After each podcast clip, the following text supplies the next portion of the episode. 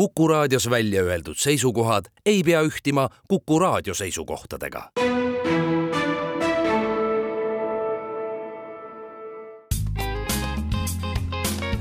ärimeeter,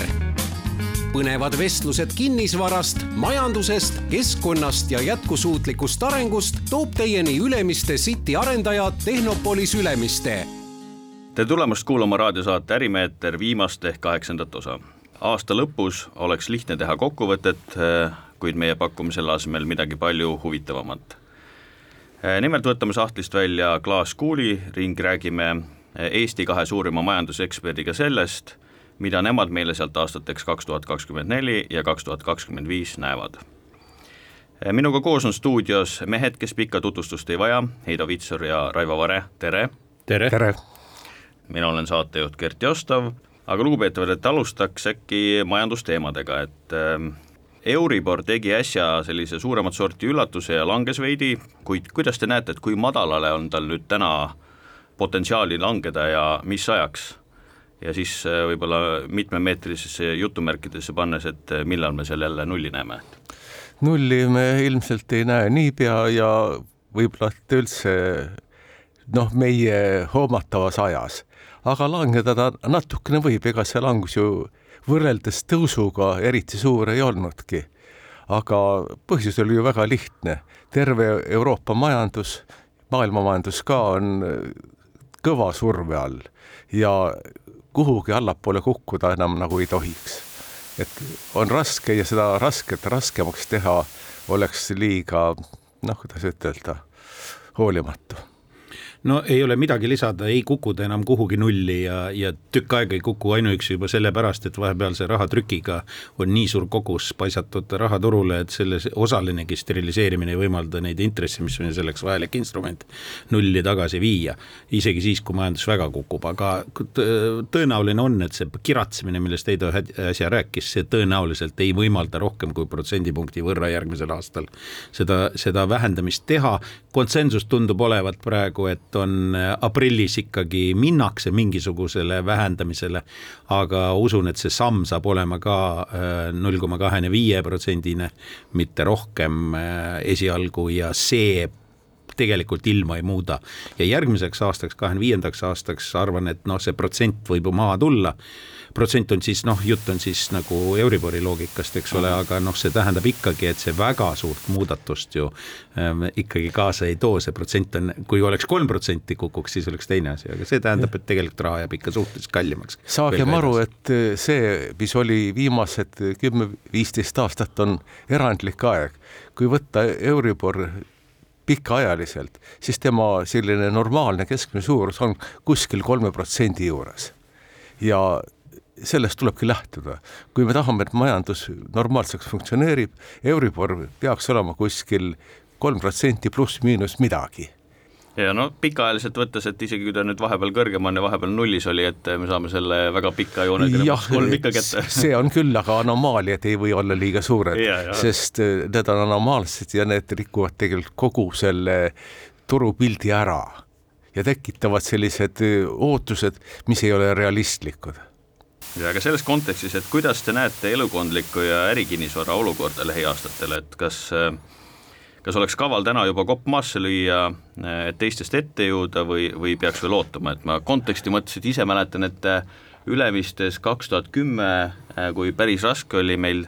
juhtus nii olema, võib-olla mitte suurest tarkusest, aga juhtus nii olema, et tuli välisinvestor ja tulid mõned väga suured lepingud, et me mitu aastat püsisime kindlasti suurima arendajana, meil oli väga suur äh, mõju, ütleme meiega tulemustele, et kas täna on mingi sarnane olukord, et olukord on sarnane kogu aeg, alati on kinnisvarasid, kus tasub kopp maasse lüüa ja alati on selliseid, kus üldse ei tasuks. nii et eh, see sõltub asukohast, äriplaanist ja muidugi sellest, kes tegijad on. nii et eh, kunagi pole sellist aega, et mitte midagi ei tasu ja kunagi ei ole sellist aega, et kõike tasub no tegelikult elukondlikkust, nii palju kui ma sellest eh, aru saan, see ei ole päris minu teema, aga siiski tundub, et väga suurt rolli selles mängivad pangad ja pankade suhtumine ja pankade nõuded. Ja teiseks profileerimine, sellepärast et noh, nüüd tundub olevat ikkagi see teema, et mis on siis selle massostja jaoks konfigureeritavad pinnad. Ja ne, selle valdkonna inimesed täna kipuvad rääkima, et noh, et, et võib-olla mitte nii palju uut juurde tuua, kuivõrd isegi olemasolevat nii-öelda ära kasutada, jutt on elukondlikust juba ehitatud nii-öelda valmisolevatest asjadest, kus siis on nõudlus suurem, sest inimestel hetkel on natukene hakkab raskemaks minema puhtmajandusest tulenevatel põhjustel. mis puudutab nüüd ärikinnisvara, siis seal nagu ikka on segmenditi pilt väga erinev ja ma kardan ka, et veel üks asi jäi praegu mainimata. Milline ärikinnisvara mina julgen väita, et tegelikult toimub praegu ärikinnisvaras teatud ümberprofileerumine või mingis ümberstruktureerumine, ütleks niimoodi. ja ka olemasolevate office'ite nii-öelda konfiguratsioon muutub, sellepärast et kliendid muutuvad, nende nõudmised muutuvad sellega seoses, nende huvid muutuvad ja see tekitab sellise olukorra, et kopa äh, mahalöömisel tuleb neid etteennustatavaid äh, asju ka nagu arvesse võtta, aga kas me ikka päriselt oskame seda teha, noh. piltlikult -hmm. öeldes, kui sul on null koma, äh, tähendab kakskümmend viis protsenti on töökoha külastatavuse koefitsient firmas, siis rentnikuna sa käitud teatud viisil ja landlord võib teha mis iganes kätekõverdusi ja kükke. ta peab sellega arvestama, kui on tegu suure ja olulise kliendiga ja ta peab nüüd tulema kliendile vastu, aga klient ise ka veel tihtipeale ei tea, mida ta tahab täna kahe aasta pärast näiteks? kontori kinnisvaraga on ju asi päris selge. ülearu palju on ebakvaliteetset kontori kinnisvara ja on selge see, et seal tekib väga suur korrektsioon. samas uued nõuded ja uued soovid on teinud olukorra, kus kvaliteet ärikinnisvara järgi on suur nõudlus ja paistab kasvavat sest tahetakse ära tulla nendest kohtadest, kus kontorit ei ole mõtet pidada. aga heades kohtades pakkumist pole ja see heade... aga muidugi on väga raske ütelda, mis on hea koht. see heade kohtade teema on veel eraldi teema, sellepärast et ega siin on ka väga palju rolli väljaspool nii-öelda otsest ärivõimekust äh, konkreetsete firmade puhul. nimelt äh, asi seondub veel ka näiteks logistiliste äh, asukoha probleemidega, sellega, millist poliitikat ajab konkreetselt see omavalitsus, kus see ärikinnisvara asub ja no ütleme niimoodi, et Tallinn tegeleb praegu oma linnastruktuuri ümberkorraldamisega, mis tõrjub tegelikult suuresti väga palju kinnisvara teaduspiirkondadest välja ja teaduspiirkondadest vastupidi soodi, soosib selle loomist, nii et seal on ka veel võimalused turu mõttes. huvitaval kombel muidugi see kinnisvara või ärikinnisvara vähemalt tundub äh, moraalselt vananevat oluliselt kiiremini kui päriselt füüsiliselt, et kui me räägime täna turult välja minevast, siis me võib-olla räägime seal viieteistaastasest varast, mis äh, selle arendaja mõttes eh, noh, on alles poisipõlves, et tegelikult on tal veel, eh, oleks eh, äriplaanide mõttes mitukümmend aastat vaja minna, noh tegelikult seda ei juhtu, kuna ehitatakse liiga palju võib-olla uut peale, mis võimaldab valida uut, jättes nii-öelda vanad maha. ma arvan, et siin on asi selles, et nõuded ja arusaamine, mis on kvaliteet kinnisvara, eriti ärikinnisvara, need on niivõrd palju muutunud, et see, mida me ette kujutasime noh, kakskümmend aastat tagasi, mida arendati, need kriteeriumid enam ei kehti, lihtsalt on vaja hoopis teisi tingimusi, kas või ütleme, keskkonnanõuded on teised, küttekulud omavad hoopis teist tähtsust, millega köetakse, omavad hoopis teist tähtsust, nii et need kriteeriumid on asendunud energiatõusus jah, mängib äh, väga palju rolli. aga teadlikkus ka, kliendid on äh, tekkinud väga suur kiht uue, eelkõige uue majanduse kliente, kelle jaoks on väga tähtis ka see, et tegu oleks nii-öelda loodussõbralikuma lahendusega, et oleks rohesertifikaadi lahendused, eks ole, lausa eeltingimuseks panevad tihtipeale, et sul peab olema Brem või liid. sa ei saagi üldse minna nii-öelda konkureerima, kui sul seda ei ole, nii et ei olegi küsimus ainult selles, mis seal ruutmeetrite peal on, vaid kuidas need fikseeritud on ja kuidas nad välja näevad ja seal on veel, et kui noh, kui vaba ja kui ümberkujundatav see ruum on, et kas kabinet või avatud büroo ja kui ja missuguses ülat-, ulatuses, need, kui kerge on ühte või teist muuta, kõik see mängib rolli. jah, täitsa nõus. et äh, Eesti majandus on tänaseks seitse kvartalit järjest äh, langenud, et äh, millal ja millistes sektorites te näete, et üldse majandus kakskümmend neli, kakskümmend viis kasvama hakkab? eks ta siis peakski kasvama, me tahame ju elada säästlikus ja kokkuhoidlikus maailmas ja kui me edasi kasvame sellises tempos, nagu me oleme kasvanud viimased ütleme kolmkümmend aastatki, siis on selge see, et kasvupiirid on juba käes ja ületatud. nii et me peame mõtlema sellele, et kuidas üldse oma arengut mõõta, sest SKT on väga halb mõõduriist. ja see, et SKT-st on vaja kui sellisest peakriteeriumist või ainukesest kriteeriumist loobuda, sellest räägitakse palju. tegelikult äh, tuleb hakata mõtlema paljudele teistele sotsiaalsetele kriteeriumidele, mida tuleks hakata täitma ja jälgima. Palju olulisem on võib-olla see, et milline on rahva tervis ja milline on tema võime haridust ja loovust äh, suurendada, seda mõõta SKT numbrites ei oska. aga kui vaadata, siis Eesti konkurentsivõimu sõltub loovusest ja kui väga lühidalt üritada öelda, siis äh, minu meelest on äh, see aeg käes, kus toimub väga suur makromajandusliku mudeli muudatus Eesti jaoks ja piirkonna jaoks tervikuna, kus kõik olulisemad neli sisendit mis on siis raha hind, energia hind, odav tooraine idast ja inimkapital, tegelikult kõikidega on probleeme, kõik on muutuses ja sellises olukorras nagu vanade mudelitega edasi minna nagunii praktiliselt ei saa, nii et tuleb kohaneda isegi traditsioonilistes alades uute mudelitega, osta toorainet, osta kallimalt, maksta rohkem palka, aga see tähendab, et muutuvad ka turud ja muutuvad ka need turueelistused ja, ja koostöövõrgustikud, sellepärast et see odav allhange on nüüd ikka lõplikult ära tapetud praegu muutunud makromajandusliku olukorraga suures osas hästi, peame leidma siis mingi uue arvutusmudeli, mille järgi mõõta, et me kasvame. ei, me peame aru saama, et eh, elu on keerulisem. ärimeeter põnevad vestlused kinnisvarast, majandusest, keskkonnast ja jätkusuutlikust arengust toob teieni Ülemiste City arendaja Tehnopolis Ülemiste. jätkame saadet saatekülalistega Heido Vitsur ja Raivo Vare, mina olen saatejuht Gert Jostov. Äh, tänases saates vaatame ette aastatele kaks tuhat kakskümmend neli ja kaks tuhat kakskümmend viis. tulles nüüd järgneva seonduva teema juurde, et äh, täna on suure hurraaga makse tõstetud, et kuidas need tõusud Eestile mõjuvad eh, ning millal võiksime näha nende langetamist, eh, et mis selleks juhtuma peab? no mina alustaks sellepärast, et ma tahaks öelda, et kui me praegu oleme olukorras, kus, kus tegelikult Eesti nii-öelda majanduskasvu aeg on alles järgmise aasta heal juhul lõpupoole ehk siis äh, nii-öelda ebamäärane seisund veel tükk aega kestab, siis noh, klassika kõikide riikide käitumismudelis on ikkagi olnud selline, et on kontratsükliline see see käitumine, ehk siis eh, sel ajal, kui, kui on raske majandusseis, siis nii-öelda käitutakse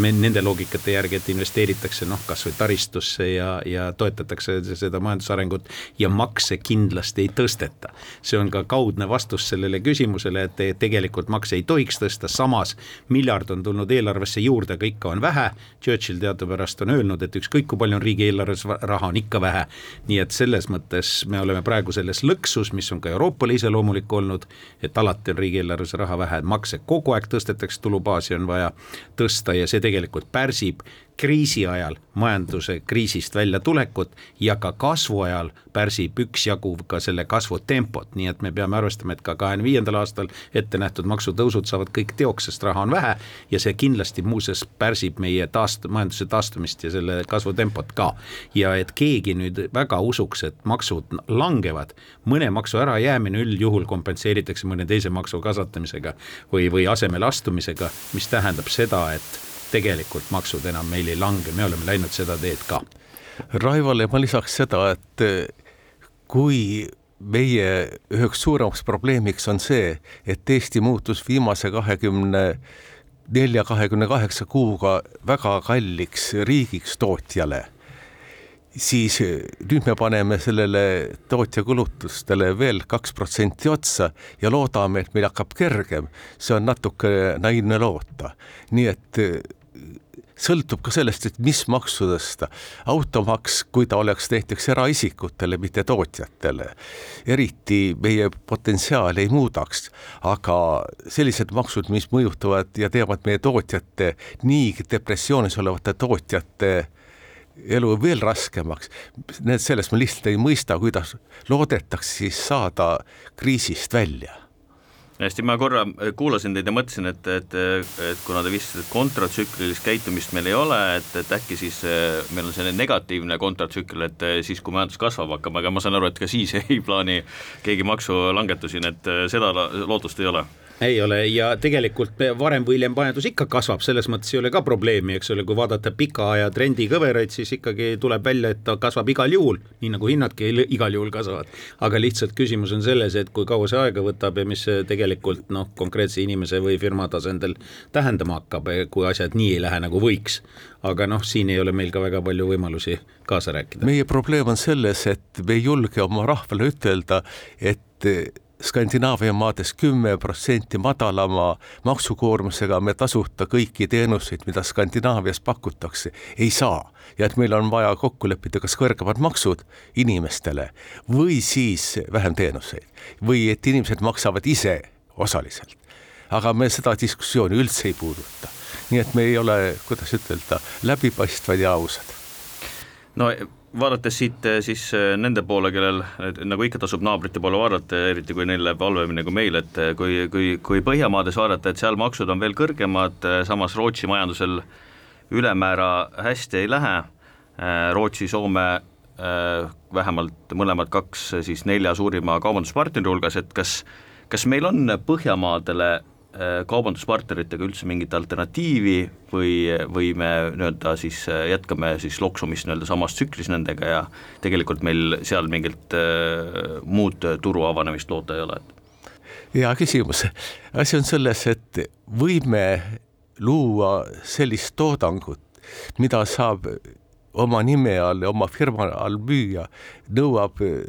natuke teistsugust majandust ja teist läht-, lähenemismajandusse, sest eh, kuidas meil siiski praegune majandusstruktuur tekkis, me tekkisime siiski allhankijatena ja selles nišis li-, liikusime kõrgemale ja kitsamatele aladele ja teine on, meil on metsamajandussektor, mis on meil siis enam-vähem en, meie enda oma. Mhm. -huh. ja see turg on Põhjamaades no tegelikult seesama metsandussektor ju näitab, et mingis osas kasvõi läheb lõpptoodanguna turustatud äh, puitmajades oleme jõudnud igale poole, isegi Hiina ja ja Jaapanisse, aga sellegipoolest need põhiturgudeks ei ole muutunud. Ja siin kehtib üks veel üks põhimõte, millest võib-olla peaks ka ausalt rääkima, üldjuhul ikka kipuvad olema need suurimad majanduspartnerid lähimad naabrid. Nüüd meil on juhtunud selline lugu, et üks naaber on ära kukkunud ja pikaks ajaks on kadunud ja see kõige suurem siin kõrval ida pool ja teised naabrid on seal, kus nad on, kellega me koos suuresti loksume kaasa, sest väga palju allhankest tegelikult isegi siis, kui ta näeb välja tihtipeale nagu mingi pool lõpptoodang on tegelikult suunatud ju sinna. Nendel omakorda, millest me vähe teame mida tegelikult Euroopas alles hakatakse tunnustama, on jälle omakorda toodang suur osas liigub hoopis edasi Kesk-Euroopasse, Mittel-Euroopas tegelikult läheb ta sakslastele, eelkõige tööstustoodangu puhul ja, ja industriaalsete kaupade puhul, mis lähevad hoopis kolmandasse kiiresti arenevasse maailma, nii-öelda piltlikult öeldes tehase äh, äh, sisustus, mis, mis, mida pannakse kokku Saksamaal, aga mis ja läheb Saksa ekspordiks, aga mille komponendid tulevad näiteks Rootsist ja Soomest ja meie omakorda teeme allhanget neile selle jaoks. nii et tegelikult me oleme Euroopas väga seotud sellega, kuidas läheb Euroopal tervikuna. ehk siis isegi meie siin oma nurgas oleme tegelikult natukene ka sellega hädas, et tervikuna, sealhulgas Skandinaavias eelisturuna, aga Euroopas tervikuna on konkurentsivõimekus meeletu kiirus kiirusega langemas maailma mõttes. globaalkonkurents Euroopa on kukkumas, nii et koliseb ja noh, ma lihtsalt toon ühe näite, tavaliselt ikka peab seda mingi arvuga kinnitama. kahe tuhande kaheksandal aastal Euroopa, kus oli kakssada miljonit rohkem elanikku, moodustas üheksakümmend neli protsenti Ameerika Ühendriikide majandusmahust, jutt on absoluutnumbritest uh. -huh. noh, selle palju kirutud skp arvestuse järgi. nüüd tänase päeva seisuga on see kukkunud alla seitsmekümne ja rahvast on vähemaks ainult Suurbritannia võrra jäänud, ikka on jätkuvalt üle saja miljoni rohkem kui Ameerika Ühendriikides. jah, ja kui võtta, siis äh, majanduskese tõepoolest liigub Aasiasse, praegult on Hiina tööstuslik tootmine üksi tunduvalt suurem kui Ameerika ja Euroopa Liit kokku. Ja kuid sinna müüa midagi ja seal konkureerida on muutunud järjest raskemaks. Ja teiseks, logistika on muutunud kallimaks ja väikeste kogustega kaugetel turgudel opereerimine on väga raske. Ma mõtlen siin kontekstis, et ütleme, kunagi arvati, et Jaapan kohe võtab ja paneb Ühendriikidest mööda ja nüüd, nüüd justkui Hiina, samas näeme, et teatud tasemele järelejõudmine on on lihtsam ja, ja arusaadav, samal meil võib-olla see konvergents Skandinaavia maadega, et kuhugi maani päris kiiresti aga et kas me täna olemegi seal nii-öelda selle platoo peal, ma ei tea, kaheksakümmend prossa Euroliidu keskmine ja üle enam ei saa? muuseas, väga hea küsimus, tähendab, minu meelest me peame endale ausalt tunnistama, et hetkel me oleme konvergentsi protsessis klassikalises lõksus. ma jätan kõrvale nii-öelda sellest väljatulemise võimalust, aga põhimõtteliselt konvergents toimub alati ühe ja sama mudeli või mustri järgi ja me oleme samas asjas praegu sees. nimelt alguses lähevad hinnad, konvergeeruvad ja siis alles tulud ja siis on küsimus, kas nad seda teevad, ehk siis tulud, kas hinnad nagunii teevad, kas tulud ka seda teevad, see sõltub sellest, millist poliitikat aetakse, kui palju pingutatakse selle nimel ja kuidas veab ja millised nii-öelda spetsialiteedid õnnestub endale hankida rahvusvahelises tööjaotus. aga selles mõttes me peame endale aru andma, et me oleme veel pikalt sellises olukorras, isegi sõltumata Skandinaavia faktorist.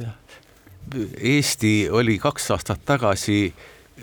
hinnatasemelt üheksakümmend viis protsenti Euroopa keskmisest. see oli siis, kui me olime kolmkümmend protsenti odavamad. nüüd on meil hinnad kindlasti üle Euroopa keskmise, aga tegelikult meie tootmismudelid, meie tootmisprogrammid, need on need, mis nad olid. muidugi ei ole need, mis nad olid, sest kakskümmend protsenti on ära kukkunud. see, mis ei ole ilmselt ja ei saagi konkurentsivõimeliseks, aga meie oleme praegult Skandinaavia maadega võrreldes umbes viiskümmend protsenti. Hiina on Ühendriikide võrreldes veerand, nendel on seda ruumi. konvergentsiruumi kaks korda rohkem ja nad on ju tegelikult Ühendriikidest neli korda suuremad jah, et no ütleme jah, positiivse aspekti siin vaadates, et me, me, meil toimub konvergents siis nii-öelda maailma ühe jõukama piirkonna vastu, et selles mõttes see on positiivne, et, et saab kuhu, on veel kuhu arendada. jah, aga kui vaadata, et Leedu kes konvergeerub Poolaga, siis Leedul on suur eelis sellega, et tal kõrval on eurotingimustes väga odav Poola. ärimeeter, põnevad vestlused kinnisvarast, majandusest, keskkonnast ja jätkusuutlikust arengust toob teieni Ülemiste City arendaja Tehnopolis Ülemiste. head kuulajad, Ärimeetri saade on pausilt tagasi jätkame saadet äh, saatekülalistega Heido Vitsur ja Raivo Vare, mina olen saatejuht Gert Jostov ja räägime või vaatame ette aastale kaks tuhat kakskümmend neli ja kakskümmend viis. et eelmistes plokkides sai käsitletud äh, erinevaid majandusteemasid, et võib-olla nüüd tulles julgeoleku teema juurde,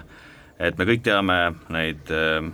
olemasolevaid agressioone, Venemaa agressioon Ukraina vastu, Iisraeli-Palestiina konflikt Äh,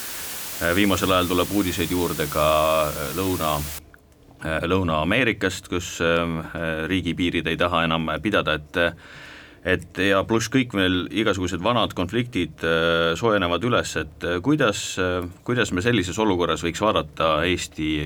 julgeolekuolukorrale siin Venemaa külje all? no reaalne pilt ongi küsimuses kajastatud, meil oleks oluliselt lihtsam, kui oleks need muud konfliktid mujal. mitte, et see ka meid ei võiks mõjutada kindlasti, aga, aga vähemalt kõige rohkem mõjutab meid juba praegu ja täna, eks ole, Venemaaga seotu ja Ukraina sõjaga seotu ja me oleme tegelikult ohutsooni sattunud sellises rahvusvahelise investor community hinnangus mingil kujul. ja mida kaugemalt investori pilk äh, äh, nii-öelda on, seda, seda vähem nad näevad neid vahesid ja ja, ja muutusi ja selles mõttes me näeme ka seda, et need projektid, mis praegu on näiteks läinud käima, ka suurprojektid, nimesid nimetamata, kaasa arvatud Tallinna linnas, siis seal on need olnud tegelikult töös juba aastaid ja need on tihti seotud eelkõige Skandinaavia peakorterite nii-öelda arusaamaga, kes on lähemal, näevad paremini. aga Ameerikast vaadates umbes tuhat kilomeetrit siia-sinna, kas see on eh, Ukraina või Eesti, tundub ühesugune. Ja väga paljud otsused lükatakse edasi, kuna on ebakindel olukord ja mõned ka teevad otsused igaks juhuks lahkuda, nii et selles mõttes me peame sellega arvestama, et see Venemaa naabrus, mis ka kahjuks jääb sõltumata sõja tulemustest veel mõneks ajaks selliseks negatiivseks faktoriks edasi, siis veel eelseisvatel aastatel, kindlasti aastal kakskümmend neli, kakskümmend viis, aga tõenäoliselt isegi veel kauem, me peame arvestama selle faktoriga, selle ohu nii-öelda hinnanguga ja see tõstab nii-öelda meie vähendab meie võimalusi ja tõstab meie negatiivseid külgi, eriti siis, kui on veel võrdlus.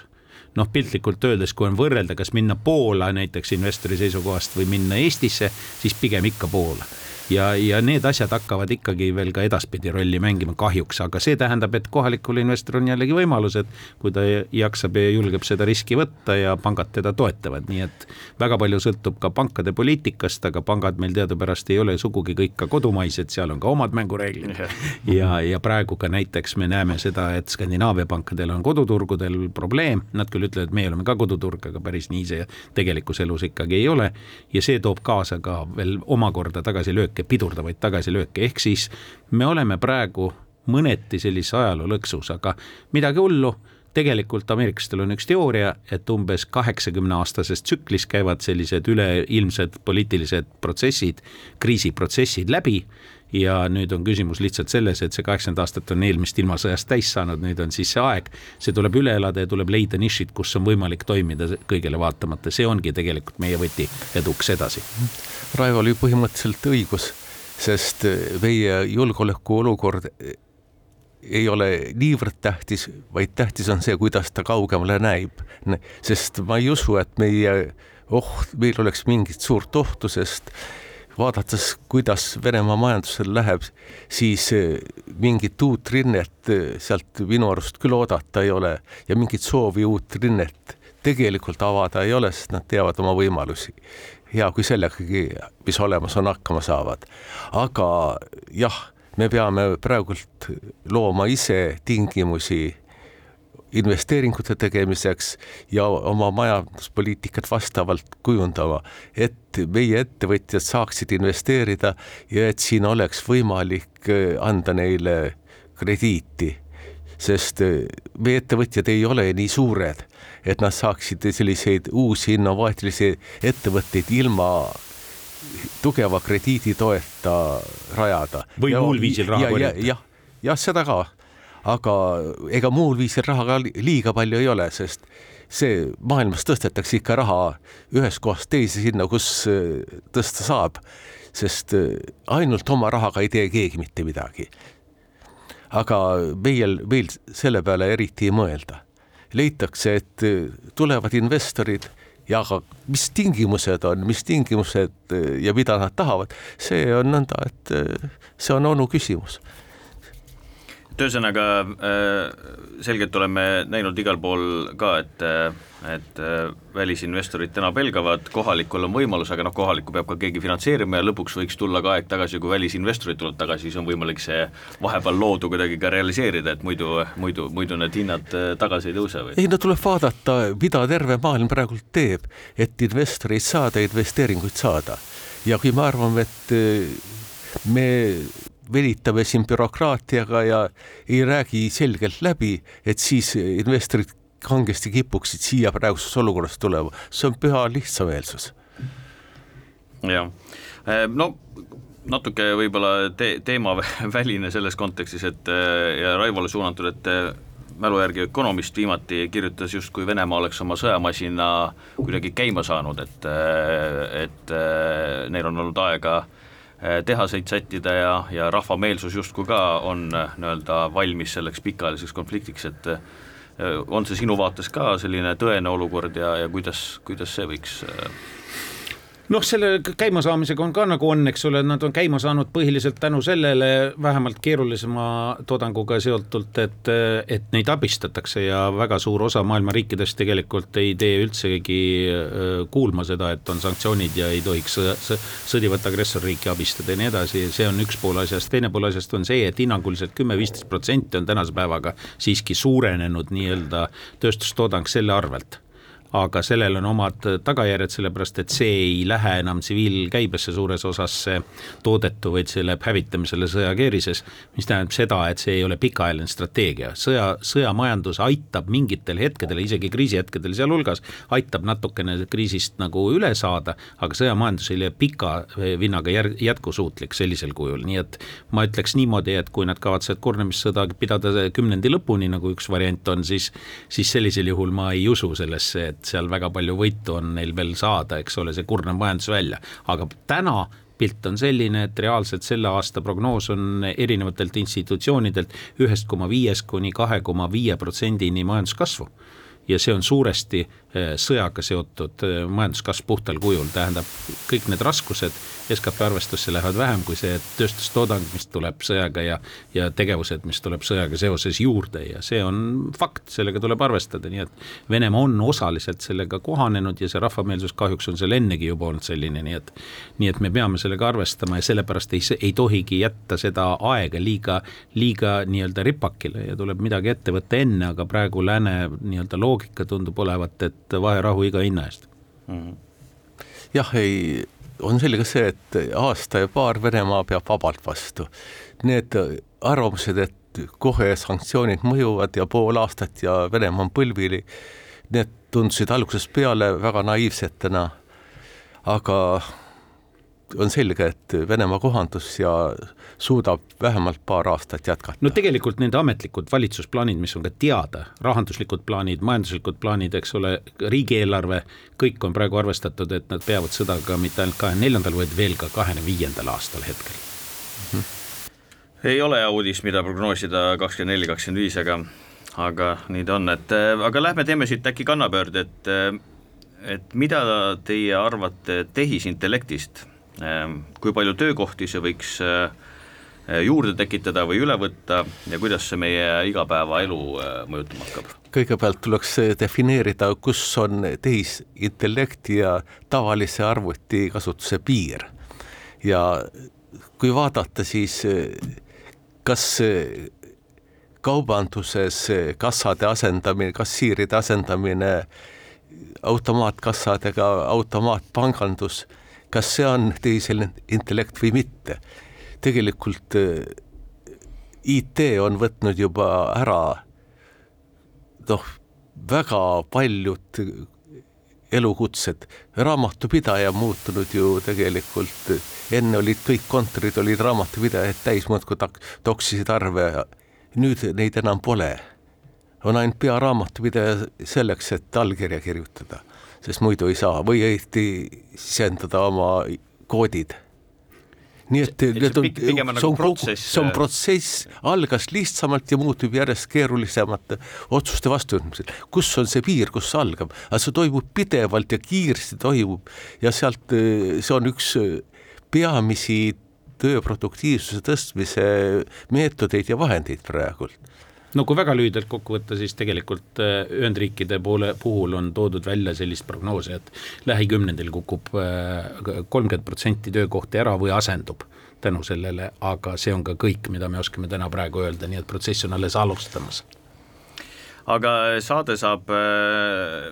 varsti läbi, et ma teeks ühe lõpuküsimuse ka veel, et et kui, kui tei-, kuidas teile meeldib Eesti riigi majanduse juhtimise kurss täna, et kui te saaksite selle äh, riigi tüüri enda kätte, et siis kuhu te selle suunaksite, et äh, millist majanduspoliitikat Eesti täna vajab? Heido on presidente ja panku nõustanud, las ta vastab sellele küsimusele. Eesti kõige suurem puudus on see, et meil ei ole innovaatilist äh, potentsiaali majanduses piisavalt palju ja teine asi on see, et kui me näeme, et kuskil hästi läheb, siis me tõmbame sealt raha ära, et nad on juba küllalt saanud, mis nad, las teised ka saavad ühesõnaga, me ei jälgi seda, mida president Lennart Meri ütles, väetada tuleb või kasvatada tuleb see, seda kapsast, mis kasvab, mitte neid, mis ei kasva. ja kui väga lühidalt omalt poolt lisada, siis tegelikult me peame andma endale aru, et me ei saa olla äh, Fairlassesi äh, lõplikud adeptid ehk siis nii-öelda puhta turumajanduse adeptid oma väikses majandusruumis olukorras, kus keegi teine meie ümber seda ei ole, ehk siis peaks nagu tarka nii-öelda toetusloogikat arendama poliitikas, see eeldab natukene suhtumiste muutumist, ma isegi ei hakkaks tehnilistel teemadel arutlema, aga lihtsalt suhtumise muutumist, sest valitsev suhtumine on olnud siiani, et me oleme kohandumise maailmameistrid ja sellepärast ei ole vaja üldse muretseda, küll see iseenesest kõik laheneb. enam ei lahene, sest maailm on sisenenud globaalpõhjustel protektsionistlikku faasi ja see tähendab, et me peame hakkama vaatama, kuidas sellest üle saada aga hästi, head kuulajad, meie kaheksas ja ühtlasi viimane saade on tänaseks äh, kahjuks läbi saamas. Äh, Ärimeetri saate poolt äh, tänan tänaseid saatekülalisi, Heido Vitsurit ja Raivo Varet, aitäh teile! samuti Kuku raadiot hea hooaja eest, saatesarja juhtis Gert Jostov ja uute kohtumisteni! Ärimeeter. Põnevad vestlused kinnisvarast, majandusest, keskkonnast ja jätkusuutlikust arengust toob teieni Ülemiste City arendaja Tehnopolis Ülemiste